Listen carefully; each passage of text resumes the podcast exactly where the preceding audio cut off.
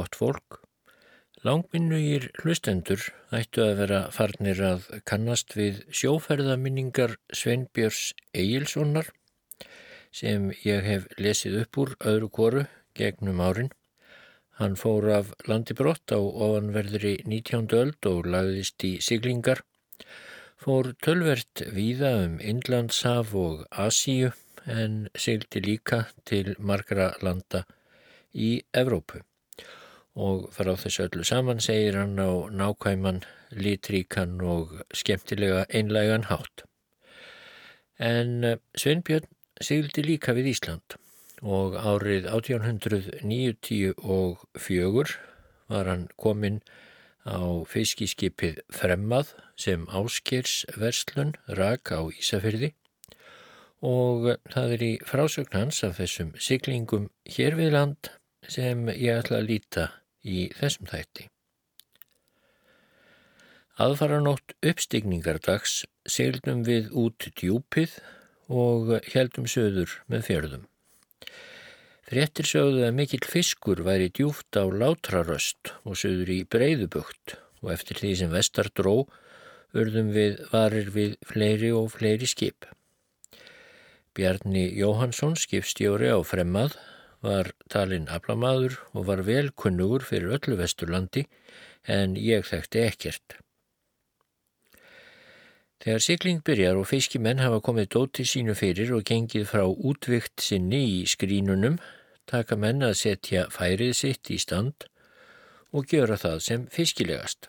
Eins var þetta hjá okkur. Ég hafi aldrei vanist að yfirmenn stýrðu skipum, heldur væru þeir á verði og aðtöguðu meðal annars að rétt væri stýrt, en það gjörðu hásettarnir. En hérna var þetta ekki svo. Ekki voru segl fyrir dregin upp en Bjarni skipstjóri sjálfur var sestur undir stýri og satt þar stundum marga tíma í einu á þess að ég sæi að nokkur þörf væri á því með því að flestir um borð kunnuð að stýra. Svo var annars siður sem þreytti mig mjög. Þegar Bjarni satt við stýrið sátu hásettar kringum hann og sungu eða hvaðu rýmur rétt yfir höfðu mínu. Svo svepsamt var mér ekki niðri í skipinu en um þetta þagði ég. Fyrir 11 mánuðum hafði ég verið á hennu góða skipi Loch Lomond á við Skotlandstrendur þar sem reglusemi var í besta lægi og ægi góður. Nú var ég hér þar sem hver gjörði það sem honum síndist. Ekkert tillit var tekið til neins og sóðaskapur var í góðu meðalægi. Nú var ég að læra og æfa mig í því að látast ekki sjá það sem drabbað var niður og varðum tíma að leggja flest það á hilluna sem ég áleit aðal kosti sjómana. Hásettar voru flestir úr eirarsveitinni, einnið að tveir frá Sandi og einn frá Ísafyrði. Sá var stór og sterkur, drikkfeldur nokkuð og hinn mesti orðhákur. Hann tókaði sér alla stjórn í hásettaklefanum og óð þar uppi eins og kvalur. Við skipstjóran talaði hann sem jefningja sinn og skildi ég aldrei bjarna hver rólindur hann var og hver langt hann let hásettan komast. Ég þekkt hann ekkert og hann ekki mig og hefnaðist að halda því þannig meðan við vorum saman þetta sömar. En Ísfyrðingurinn var þregmaður og vann vel þegar þess þurfti og dró einna best fisk á skipinu. Matsveitn okkar hétt Þorbjörn Hvers svon mann ég ekki, en hann var vinnupiltur í Hókinsdal þegar hann var sendur til Ísafjörðar þetta vor til að leita sér atvinnu. Hafði komið með þeim fyrstu eftir páska og hverki komið stað fyrir en Árni Jónsson réði hann í vist á fremmað fyrir 28 krónur á mánuði. Þegar Þorbjörn kom til okkar voru fött hans og skófatnaður í slæmu ástandi. Ég spurði hann þegar hann tók við matsveinstöðunni hvort hann kynni að elda mat, svo umkvartanir þyrtu eigi að verða. Hann hvaðast aldrei hafa elda nokkurt mat, en sér hafi verið sagt að piltarnir í skipinu myndu segja sér til. Ég spurði hann einnig hvað hann hefði að fötum og bað hann að sína mér þau. Voru þau bæði léleg og óhrein. Áður en við létum úr höfn let ég sauma strygasvöndu sem ég sáðunum að hafa framann á sér við eldhústörfin og halda henni hreitni. Matreisluna lefni ég ekki en viður kenni að litla matarlist hafði ég hérna fyrstu ferð Þorbjörns sem koks. Lítið var um fisk þar sem við leituðum söður með fjörðunum en urðum vel varir er kom söður fyrir Látrabjarg og lögardaginn fyrir kvítasunnu fengum við góðan afla. Um kvöldið gerðum við að og ætluðum síðan að halda áfram að draga fisk en þá var það ekki vart. Frá klukkan fjögur til átta og kvítasunum morgun hafði ég vörð á þilfari og skömm eftir ég kom upp heyrði ég gauragang mikinn í hásetaklefanum en skipti mér ekkert af því. Svo fór ég niður klukkan sjö og sagði einhverjum að segja Þorbirni að koma aftur í með kaffi. Bjarni skipstjóri svaf er hann kom niður en ég vakt hann fljótt því nú var Þorbjörn orðin það breyttur að skipstjóri varða að fá að vita hver hefði farið svo meðan. Um morgunin hafði fóringin í hásitaklefanum rakað af Þorbirni allt hár móti vilja hans. Og hálf kjökrandi sagði Þorbjörn okkur að fóringin í hásitaklefanum hefði sagt sér að allir kokkar á fínum skipum væru þannig rakaðir.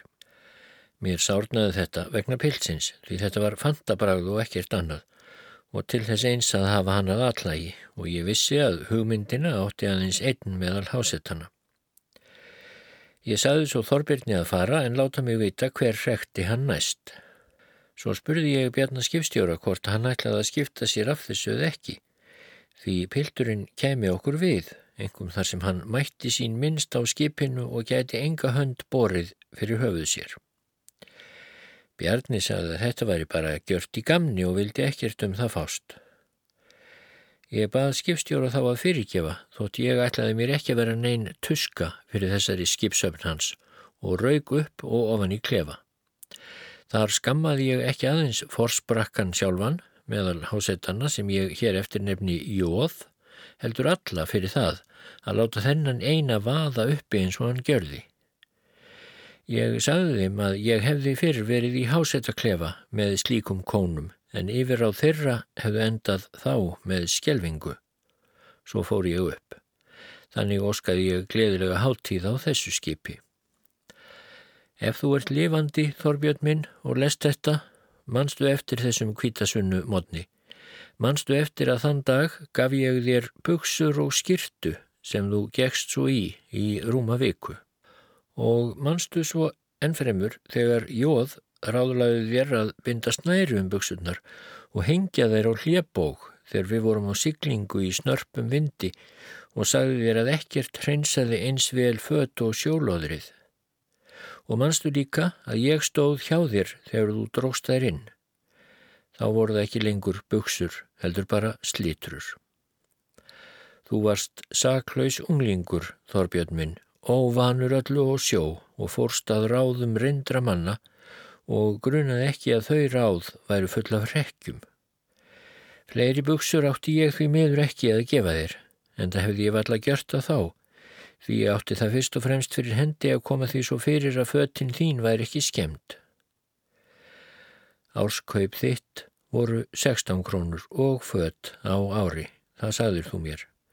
Á fremmað hafður þú haft 28 krónur á mánuði, Í fjóra mánuði voru það 112 krónur. Ekki gáttum við haft þig nakin á skipinu svo eitthvað varð að gjöra þegar í land kom. Það var síður hjá áskilsveslun að vega hverju manni út matvæli til ferðar, sömuleiðis skipstjóru og stýrimanni.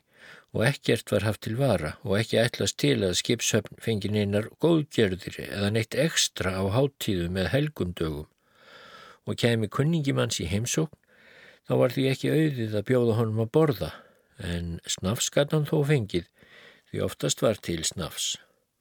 Sjökum þess að mér bauð við þeim heita mat sem framreittur var, þá gekk fljótt á útvikt mína, en brátt komst ég upp á lag með að borða soðuna þorskhausa og var svo sem aldrei leiður á þeim og svo var hásetti á minni vöku sem vildi allt fyrir mig gjöra sem hann gat. Hann bauðst til að steikja sem á skútumáli hétt að brasa fyrir mig þyrskling þegar ég vildi, kinnar eða gellur eftir vild. Máttu því heita að ég livði útaf fyrir sig góðu lífi á skipinu, þótt sjaldan bræðaði ég kjött.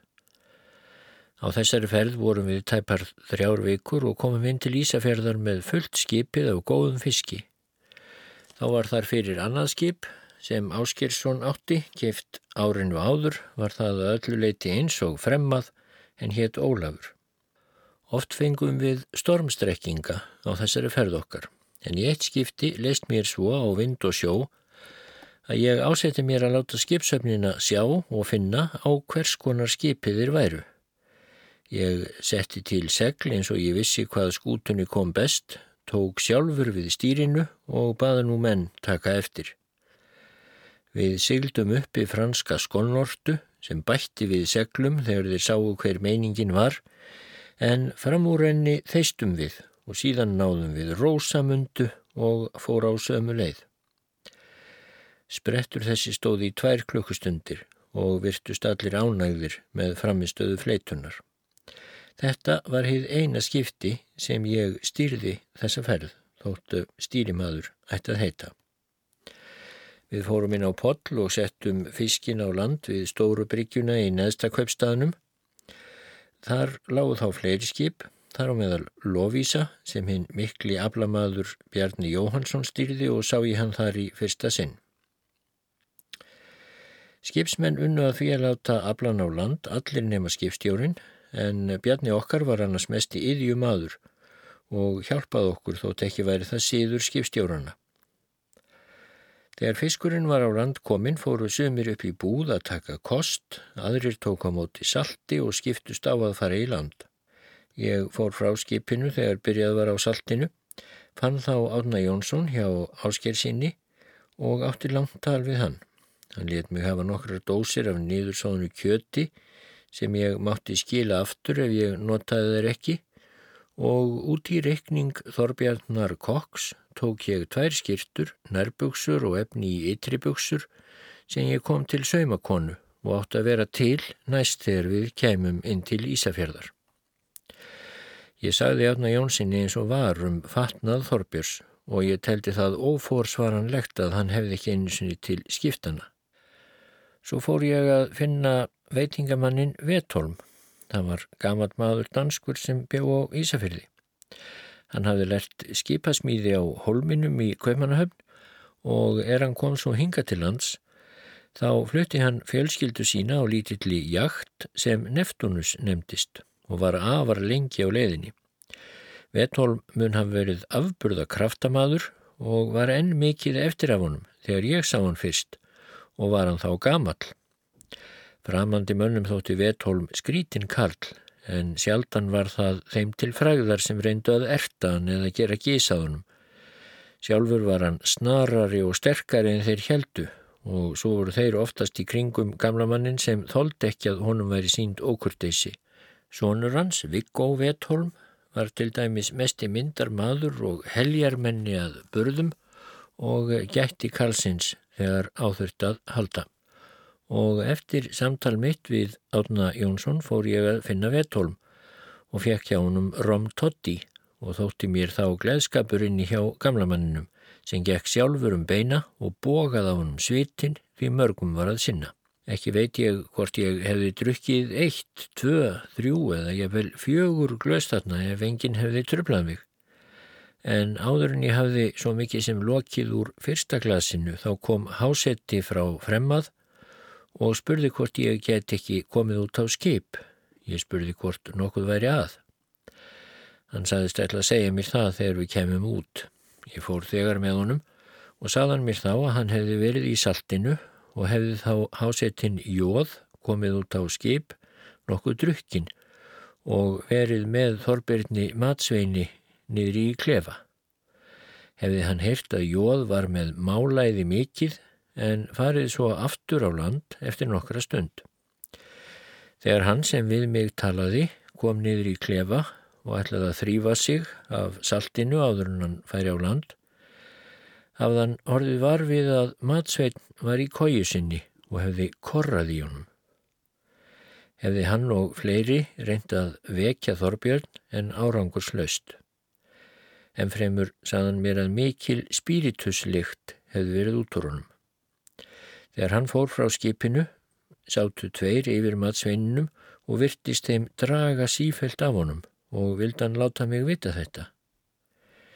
Ég sendan þegar til Þorvaldar læknis þarna á Ísafyrði og baðan herða á honum að koma þegar út á skip, en flýtti mér á endan. Þegar ég kom um borð og sá piltin, þá leist mér ekki á. Hann lág sem döður og fróða var í munvikum hans, en hann andaði þó. Þegar læknirinn kom og hafði skoðað piltin sagðan að hann hefði drukkið eitthvað sem hann geti ekki sagt hvað væri. Geti vel verið aðeins og mikið af brennivíni sem kynni að hafa verkað svona á hann ef hann værið í óvanur.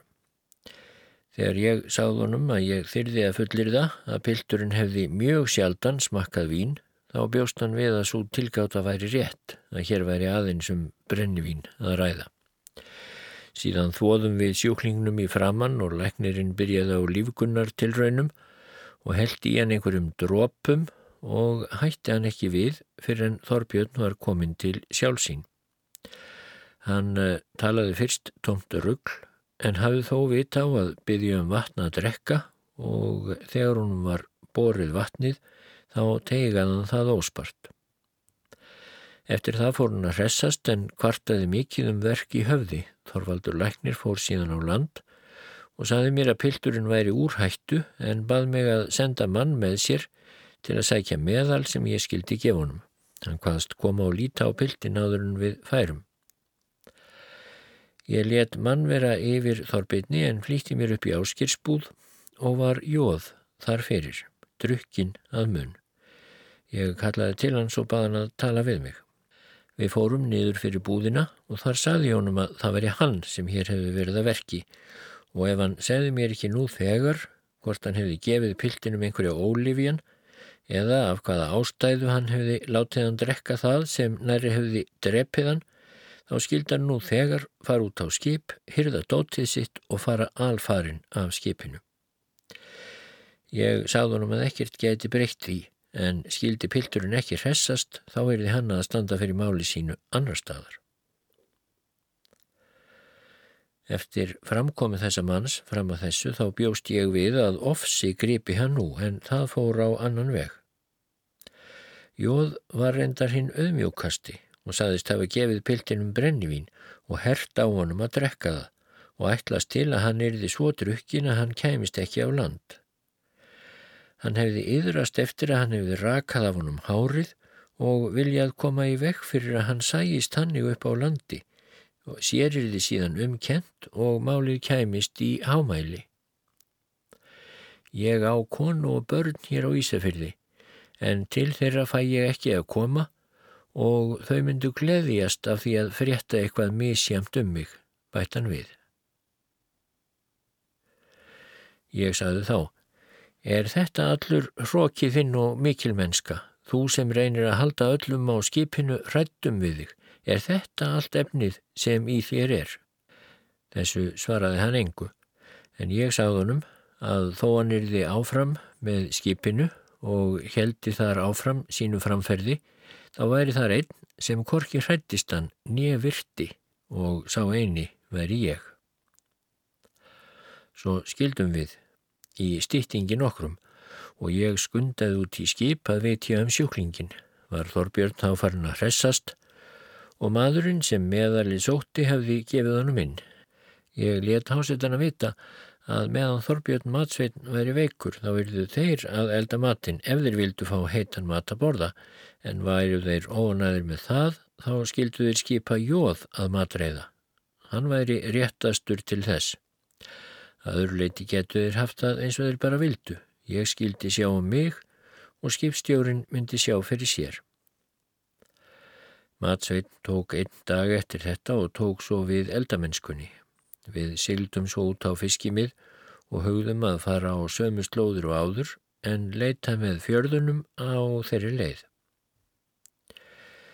Bjarni skipstjóri var alla jafna hæggerður maður en á þessari okkar leið var hann mjög döfur og spurði hann að lokum hvort nokkuð sérstakt gengi að honum. Hann saði mér þá að heimilis ástæður sínar væru mjög örðugar. Konan væri komin að falli og aðeins börn kringum hana til snúninga saðist hann vera kvíðafullur út af þessu. Við vorum ekki komnir að Arnarfyrði þegar þetta samtal fór fram og spurði ég Bjarnar hvort við getum ekki silt inn að laugabóli svo hann fengi talað við konu sína. Ekki hvaðst hann þóra að fara með skipið svo langt inn á fjörðin. Við þar getum við lendi í lokni og orði fyrir tímatöf og þá er þið sér um það kent. Hann sagðist að hafa hugsað sér að leggjast á baulhúsabót, fá sér bát á baulhúsum og róa heim og vildan byggja mig að halda ferðinni áfram og koma aftur á bótina eftir 10 til 12 daga. Spurðan mig hvern hásettana ég vildi hafa fyrir stýrimann en ég hvaðst engan stýrimann vilja hafa og baðan bara vera rólegan. Eftir þetta var ekki annað að gjöra en sigla beina leið. Bjarni tók saman dót sem hann vildi hafa með sér heim og allt gekk greitt. Við settum hann á land við Baulhús og er menn komu aftur á skip þá undum við upp akkeri og heldum ferð okkar áfram. Við leituðum á kópagrunninu því þar sáum við nokkur skip og komumst brátt í fisk. Vökum okkar bjarna skipti ég þannig að ég stóð tvo tíma af minni vöku og fór svo niður að sofa en sagðum leið við þann hásetta sem mér leist best á í og það sinn þú vekur mig eftir tvo tíma en hversi eða komið eitthvað fyrir áður en þeir eru liðnir þá kallar þú á mig. Með þessu lægi gæti ég tekið tvo tíma af báðum vöktum en væri kvast og við á siglingu, þá fór ég bara ekki niður.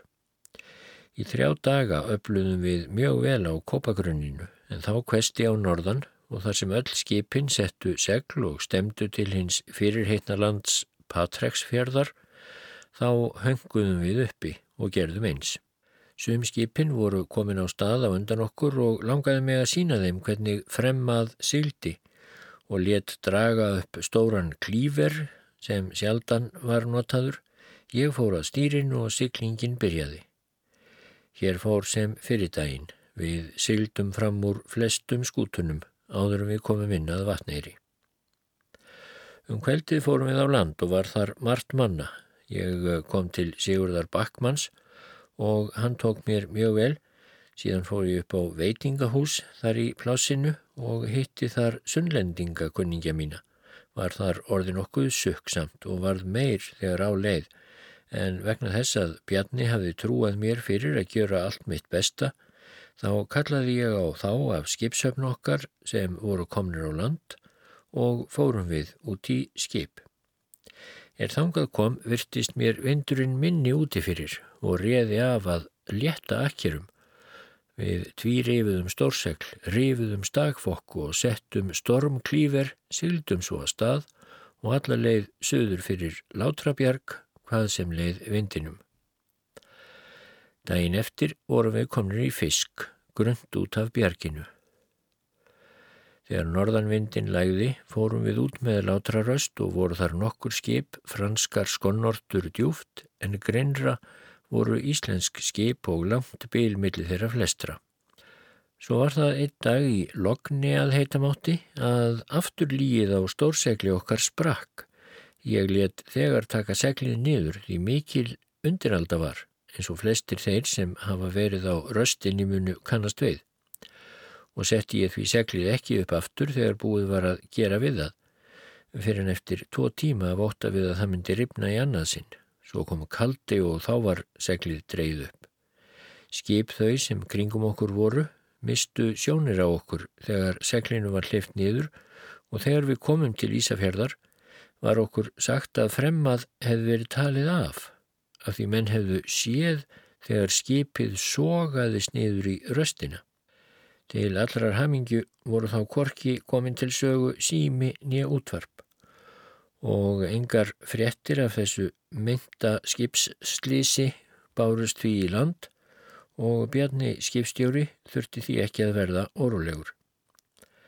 Á tólta degi þessarar ferðar síldi ég inn Arnarfjörð og alla leiðað laugabóli og varpaði akkeri framundan bænum. Var vindur hægur vestan og veður hið besta. Bjarni kom brátt út á skip með bátnum sem ég sendi í land og var gladari á svip en þegar ég skildi við hann. Konan hans hafði alveg barn meðan hann var heima en var ekki komin á fætur og voru það harðir kostir að yfirgefa hann á þannig en einhverja hjálp hafði Bjarni samt fengið og vildi hætta á að fara með okkur. Ég sagði honum að vera bara kyrrum heima fyrir í þrjá fjóra daga en þá. Fiskur væri úti fyrir og fremmað væri skjóti í snúningum og á fjárvist hans þyrti því ekkert að bera ef hann vildi síður að Átni Jónsson á Ísafjörði frétti af því að hann hefði yfirgefið skipið. Ég taldi þó óþarfa að reyna að leina því þar sem hann hefði jú bara verið að gera skildu sína við konu sína og börn. Við heldum síðan áfram að veiða úti fyrir Arnarfyrði en fiskur fór að verða tregur á þeim slóðum þar sem við höfðum aflað áður. Heldum við því norður á bógin og leituðum víða og urðum loksu vel varir á djúbkantinum og úr því fórum við inn á Ísafjörð. Þar var þá aðtalað að röstin hefði skrúfað okkur niður eins og ég sagði á þann en um fjárvist bjarna af skipinu heyrði ég aldrei talað og aldrei nefndi Árni Jónsson það við mig. Eftir hína fyrstu ferð á fremmað varði ég varfið að þokkalegra varði í hásetaklefanum en áður. Hásetarnir höfðu komið fötum sínum fyrir í þvott og á kvítasunum morgun eftir að þilfar hafði verið þvegið og heilagt haldið frá klukkan nýju fyrir hátegi til fjögur eftir hátegi þá bárum en rúmfödd sín upp og viðröðu þau. Meðan við stóðum við á Ísafjörði í þetta skiptið þá bauð Árni Jónsson mér heim og bæði þá og síðar átti ég marga gleðistund hjá þeim góðu hjónum. Síðan var ég hjá Grími, bróður Árna, en við vorum allir ná skildir. Hann leik fyrir mig á orgel og let mig heyra tvö fallegu lög eftir sig. Mun hann hafa samið mörg lög og hefur mig oft furðað á hver sjaldan ég hef hyrtið fagra lag hans, sjá heimins opnast hlið. Það lag heyrði ég sungið fjórrattað í fyrsta sinn í Ísafjörðarkirkju og jólunum 1899 undir stjórn Jóns Sáluga Lagstals og mun það hafa verið í fyrsta sinn sem Grímur letað frá sér fara til æfinga. Grímur var stórgáfaður maður og vel að sér. Við heldum svo áfram veiðum og bara ekkert sérstakt til tíðinda. Bjarni skipstjóri held sínum gamla síð að stýra og yfir höfði mér voru rýmur kveðinar sem fyrr og sungið þegar skipið var á siglingu. Fór hér sem oftast að menn geta vanist öllu og brátt hætti ég að veita þessu eftirtekt og sopnaði fljótt þegar ég var lagstur fyrir hversu hátt sem sungið var er mér næst að halda að svo hefði geta farið að ég hefði orðið að byggja þá að kveða yfir kójuminni í hvert sinn sem ég laðist fyrir til þess að ég geti sopnað. Í byrjun ágústmánadar heldum við okkur við djúbkantin á kögurgrunni og komumst norður fyrir horn og á þaralátursgrunni fengum við 200 stóra rauða þorska á hrægrunni meðan skipið helst á grunninu í blæjalogni. Sáðum við að fiskur væri þar vittlaust þann tíma sem við gátum haldið okkur þar, en svo kvesti á norðaustan svo við verðum að hraða okkur vestur fyrir horn. Nokkra skoska línubáta sáum við á þessum slóðum og lögðu þeir lóðir sínar afar langan veg og voru stundum alveg upp í landsteinum að veiðum. Svo kom sunnudagur, 13. ágúst. Um morgun klukkan fjögur komum við úr hafi í strekkings norðaustanvindi og leituðum skjóls undir horninu að vestanverðu. Þegar þar var komið fóru einhverjir að renna en færi þeirra urðu þegar föst svo þau slítnuðu. Ég vissi að línuveiðareitn var að leggja loð sín austur eftir og sáum við skipið vel á að giska eina fjórðungsmílu frá okkur og fyrir vestan okkur sá ég ból og stangarbóju með flaggi. Nú fauk í mig og fór ég niður og saði Bjarnar að nú vildi ég gera skotanum grikk fyrst hann væri með lóð sín rúma halva sjómílu frá landi á horninu og vonaði að Bjarni hefði ekkert á móti því. Hann gaf ekkert út á það. Ég náði í romflösku sem ég átti, fekk mér góðan pinna og fór upp á þilfar og kallaði á jóð sem ég treysti til framkvæmda, gaf honum snafs og hinum sem á þilfari voru og sagði þeim að nú myndum við skera ból og bójur af lóðinni hjá skotanum. Við sildum því að bólinu sem næst var horninu, því náði jóð með krókstjaka en sá hétt árni sem skaraði lyktum á kaðalinn sem held í. Var það ból innbyrt. Þar snýri ég fremmað þannig að við stemdum að næsta bóli fyrir vestan Þá let ég nokkan á stórsegli falla til þess að minka gangin. Jóð dró ból og bójur upp en átni skar eftir því sem við sigum með loðinni og er stangarbójan og ellifu ból voru á þilfæri hjá okkur var ekki meira að skera. Þá settum við upp öll segl og sildum hraðbýri vestur eftir. Ekki leið laung stund þar til við sáum að línu veiðarinn skoski tók að reyfa sig í áttina til okkar og svartur kólamökkur gaus upp úr reikafi hans. Bjóst ég við að hann myndi fljótt eld okkur uppi og let því ná breyðfokku upp úr lest, binda hann á rána sem við höfðum með. Þessu segli síldum við fyrir og með því fór fremmað eins og vindur var þá fullar nýju sjómílur á klukkustund. Og með því að mér var kunnugt um að skosku línuveiðararnir fóru vart meira en átta sjómílur þá var ég hinn rólegasti. Þess gæti ég aukið ferðina ennþá þegar við komum uh, fyrir kögur og ég gæti bómað fyrir og sett stóra klíferinn eða sleparan sem við kolluðum en þess þurfti reyndar ekki. Á miðri Heljarvík snýri línuveiðarinn við, líklega leiður og öllu saman, en við heldum okkar leið. Er þetta í fyrsta og síðasta sinn sem ég hef unnið að strandgæslu. Amælistægin minn 21. ágúst lágum við inni á Aðalvík á Hornströndum því stormur var úti. Þann dag var lítið um dýrðir en til þess þó að minnast dagsins á einhvern hátt þá málaði ég skipið að utan og var að dunda við það einn þann daginn. Þegar við komum inn til Ísafjörðar fréttum við svo að hinn annan ágúst hefði Springarinn, eign áskilsveslunar og Rósamunda frá dýrafyrði reykist á og laskast að mun, þó rósamunda meira, og skipstjóri hennar hefði meðst. Þetta vildi til við Látrabjarg. Af Ólafi rökk hásettin Þórarinn Výborg út og druknaði. Það var í júnimánuði og vildi það slís til undan víkunum. Fleiri slís urðu ekki það sumar á útvegsskipum áskilsveslunar. Hinn 24. ágúst komum við til Ísafjörðar og hafðum lítinn afla því fiskur var tregur hvar sem leitað var. Þá var komin þangað Björn Kaupmaður Sigursson, síðar bankastjóri, og vildi kaupa fisk. Hann bauð 45 krónur fyrir skippundið af stórum og smáum fiski en fáir gáttu notfært sér það góða tilbúð því flestir höfðu þegar selt eða lofað fiski sínum. Við fluttum þegar fiskin okkar á land og vonuðum flestir að við erum ekki látnir fara út aftur.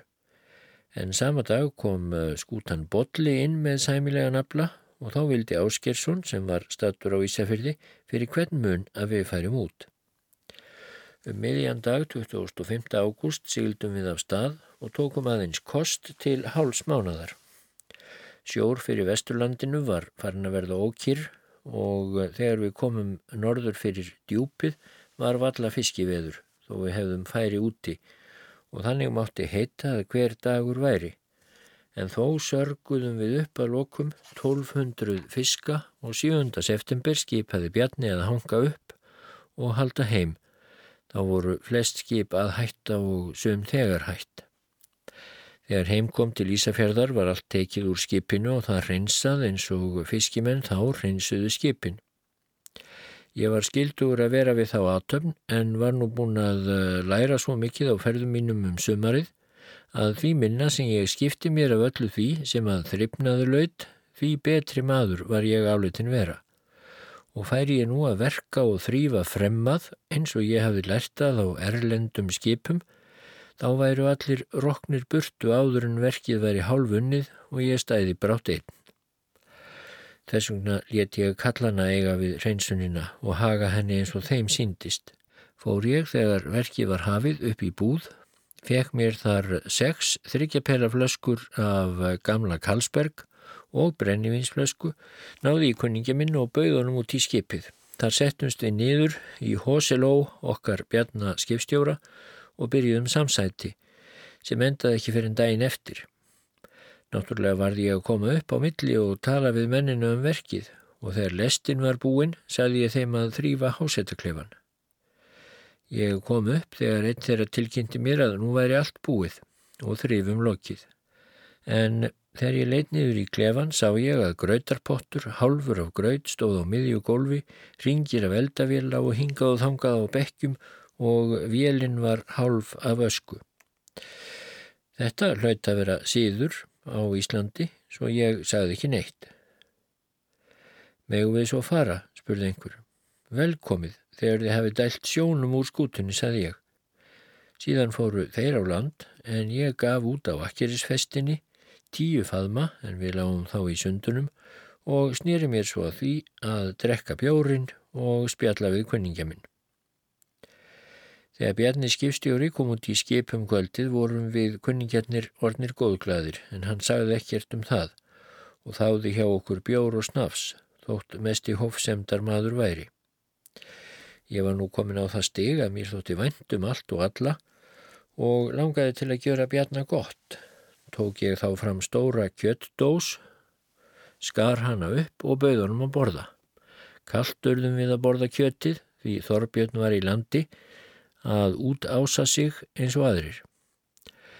Þegar Bjarni vildi fara að hátta fórum við kunninginnar á land upp til Veðholms veitingamanns, þar var fullt af mönnum og general fyllir í, því nú var fólki farið að fjölga á plásinu og sjómenn voru að fá sér neðan í því eftir sjóvolkið um sumarið.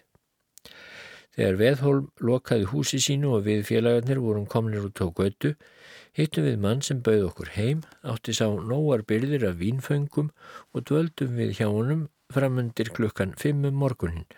Var þá komin tími til að fara út í skip og lögðum við á stað og vildi félagi minn fylgja mér niður á bryggju, þar sem bátur minn átti að vera, eða einhver annar bátur.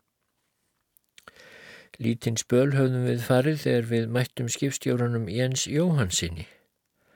Hann býður okkur þegar að koma með sér út í skip sitt sem láfið neðsta kaupstaðarbryggju og þegar þangað kom var sleið upp veistlu og byrjað á bitterbrennivíni og bjór. Svo vakti Jens kokkin og skipaði hann um að sjóða fisk. Þarna voru við til klukkan tíu um morgunin. Þá var stungið upp á að finna veðholm á ný en nú var vandin mestur að verði ekki á vegi Áskilssonar eða Átna Jónssonar því slatt fullir vorum við allir. Jens vissi ráð við því Hann létt tvo menn róa með okkur að hæstakveipstaðarbryggju, þaðan var stutt til Veðholms og við komnir fram hjá verstu skerjunum. Við fengum totti og ég held að samtal okkar hafi verið tomt fyllir ís slúður. Um hádegi skrapp ég út til Solli Bakara, fann hann að máli og sáðunum ég að veri fullur og ósofin og baðan að láta mig hafa mat eftir tvo tíma og lofa mér síðan að leggja mig einhver staðar þar sem lítið bæri á. Svo fór ég eftir til Veðholms og við heldum áfram að bylla og drekka en húsið fór að smá fyllast af gestum og þegar minn tími var komin stóð ég upp, kvatti og fór til Solli. Hann kom mér fyrir í litlu herbergi, þar borðaði ég og steinsopnaði síðan. Ég hafði nefnt við hann að vekja mig klukkan fjögur. Á slæginu fjögur vaktan mig var ég þá róttaður mjög en hann dreif mig upp, skipaði mér að þó mér, bara á borð heita kraftsúpu, síðan salta síld, heitar kartöblur, brennivín og bjór. Þegar ég hafði borðað eins og ég gatt, drukkið þrjá til fjóra snafsa og öl, var ég sem nýr maður. Þakkaði ég soli fyrir og fór út í skip, sopnaði þar í kójuminni og svaf til lukka nýju um kvöldið. Þá fór ég á land að finna Árna Jónsson. Flestir hásettar heldu enn til um borð. Ég vissi ekkert hvernig á því stóð og skipti mér ekkert að því. Átni Jónsson var komin heim þegar ég kom á land og flíti ég mér því niður í neðsta kaupstað, fór inn skúrmegin og gerði bóð fyrir hann. Hann kom fram og vildi að ég kemi inn en ég sáðunum að ég væri hálf sóðarlegur en spurði hvort hann geti ekki tiltekið einhver tíma þegar ég geti talað við hann í næði. Þú getur það núna, sagði átni og bað mig að býða. Kom hann svo þegar með líkil í hendinni og fór með mig út í gömlubúð. Ég byrjaði samtalið með því að þakkonum fyrir vinnuna sem nú væri að mér virtist á enda. Ég leta hann einnig vita að ég hefði fengið bref frá móður minni sem var á hofi í Vastal og sem ég hef ekki séð í tólf ár. Hún bað mig að finna sér norður og dvelja hjá sér um veturinn og væri það ásetningur minn að gjöra svo og færi ég því norður með týru um 7. oktober. Einnig saðist ég skammast mín fyrir að skilja eins ídla við fremmað eins og gjöra ætti og gjört hefði verið. Sagðunum að af verslunarinnar 24 skipum væri fremmað albesti siglarinn. Hann tók þá til máls og spurði mig hvort ég vildi vera áfram hjá sér ef ég fengi fremmað næsta ár en það bóð afþakkaði ég. Af þeirri ástæðu það væri mér örðugt að breyta svo frá öllu sem ég hefði lert á skipum eins og hér virtist eiga við og uh, koma sér best hér á landi. Hann spurði mig svo hvort ég vildi ekki verið í sinni þjónustu þanga til ég færi norður. Hann þurfti að koma skipstjórum sínum þeirra dóti, nokkrum hásettum og þeirra dóti söður á fyrði þar sem þeir ættu flestir heima og hefði hugsað sér að láta fremmað flytja þá. Vildan að ég færi þá ferð og hefði með mér tvo duglega ísfyrðinga til að sigla skipinu heim aftur. Hann hvaðst tegar hafa pantað fæði fyrir mig hjá Solli Bakkara en óska þess að ég svæfi út í skipi en spurði mig þó hvort ég væri myrkvælin því aðrir yrðu ekki um borði í skipinu. Myrkvælin hvaðst ég ekki vera. Við slítum svo samtalinu og kom okkur saman um flest. Þegar ég kom út í skip var Bjarni skipstjóri kominn Saðan mér að hásettar myndi sofa í skipinu þangu til fólkið eriði flutt söður nema þeir sem Bjarni Jóhansson tæki á grundarfjörð og sand væri verið að býða eftir tveim-þreim skipum sem von væri á á hverju stundu. Ég sagði honum að komið hefði til tals að ég flytti fólkið vestur á fremmað og var hann ánaður með það. Skipstjórnir og fiskimennir tókun svo út vörur í versluninni sem þeir höfðu með sér heim, bæði matvöru og aðra nöðsinjar og þorði ég því ekki annað en þó lestina aftur og þurkana vel. Gjörði ég það mánudaginn 11. september og næsta dag var byrjað að flytja varning út í skipið og komu menn sér saman um hvernig þeir vildu ráðunum og yfirleitt hvernig þeir vildu nota skipið.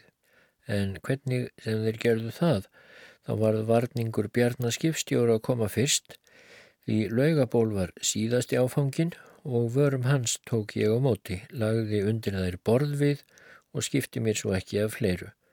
Þegar allt og allir voru komnir í skipið heldum við á stað síðula dags og sigldum sem leiði lág til dýrafjörðar að meðaldal. Þar fór skipstjórin Kristján á land og með honum margir menn. Þaðan fórum við svo á Bauluhúsabót og settum Arnfyrðinga á land og þeirra varning og svo kom síðasti áfangin inn að laugabóli þar sem Bjarni skipstjóri bjó. Bjarni bauði mér heim en það þáði ég ekki. Ég vissi að hann átti örðugt á heimilinu og þótt hann vildi fá mig heim þá vissi ég ekkert hvernig konu hans kemi að fá ókunna menn sem gesti og þurfa að bera þeim góðgjörðir. Ég bað Bjarnar því að bera henni hverju mína og segja að það gletti mig að hún væri heilbrigð orðin. Ég myndi vel eftir því þegar ég sótti bjarnaþongað um sömarið, þá áttan verulega bátt og leiðraunar miklu verr en ég hef sagt frá. Áður en við skildum kom bjarni með mjölkand okkur í fjöruna, svo kvatti ég þann heiðarlega mann og þótt korugur hafi skilið annan alla samveruna, þá skildum við í friði. Bjarni druknaði fáum árum síðar á alltinni frá Ísafjörði. Nú var skipi tómt en undir seglum hafði ég aldrei verið á því þannig. Þó voru nokkur hjártstikki lögð með kjölnum og varði ég að treysta því að það digði. Ég hefði kosið að taka grjót sem seglfestu og lögabóli en til þess var engin bátur. Við fengum rutta veður á leiðinni heim og vorum hálfan þriðja sólaring en þótt fremmað væri tóm síndi hún sig hefð mest að gæða skip og hún hafði áður reynst okkur yfir hafið. Eftir umtali lagðist ég svo í sundunum, fór á land og tilkynnti komu mína. Ég bað Átna Jónsson að lána mér mandaginn eftir til að verka skipið og hann lánaði mér tvo ágæta menn og með þeirra hjálp gæti ég þrifið lestina, hásettaklefan, skafið og ólíjað mastur, bómu, gaffal og bókspjót, þurkað seglin og komið þeim fyrir í greni okkar bjarna og að því búnu flutti ég mig fram í hásettaklefan. Þegar hér var komið let ég mennin að fara, fekk mér málingu í versluninni og málaði innan borðs og utan. Að þessu var ég búinn lögardaginn 2003. september og var þá vinnuminni að mestu lokið. Ég svaf einn í skipinu, gæt lagt í eldavél þegar kallt var, borðaði hjá Solli Bakkara á gætan mat og hann skemmti okkur kostgöngurum sínum stundum með gítarmusík. Svo kom ég oft til Veðholms veitingamanns og kynntist honum svo að hann sagði mér ímislegt af því sem á dagans hafi drifið. Fyrstu viku óttúbarmánadar gerði ég ekkert og kom mikið til frendfólks míns þar á Ísafjörðu og leið ágætlega, kynntist ímsum og kvildi mig. Ég tók dót mitt saman svo það væri til þegar týra kæmi, laugardaskvöldið 7. oktober bauði ég tegum kunningum út í skip til að drekka með mér skál hinnar góðu fleitu sem ég var nú að kveðja. Átni Jónsson spurði mig enn einu sinni hvort ég vildi ekki koma til sín næsta úthald en því bóði hafnaði ég. Í 9. oktober kom týra og það kvöld hvætti ég fræntfólk mitt.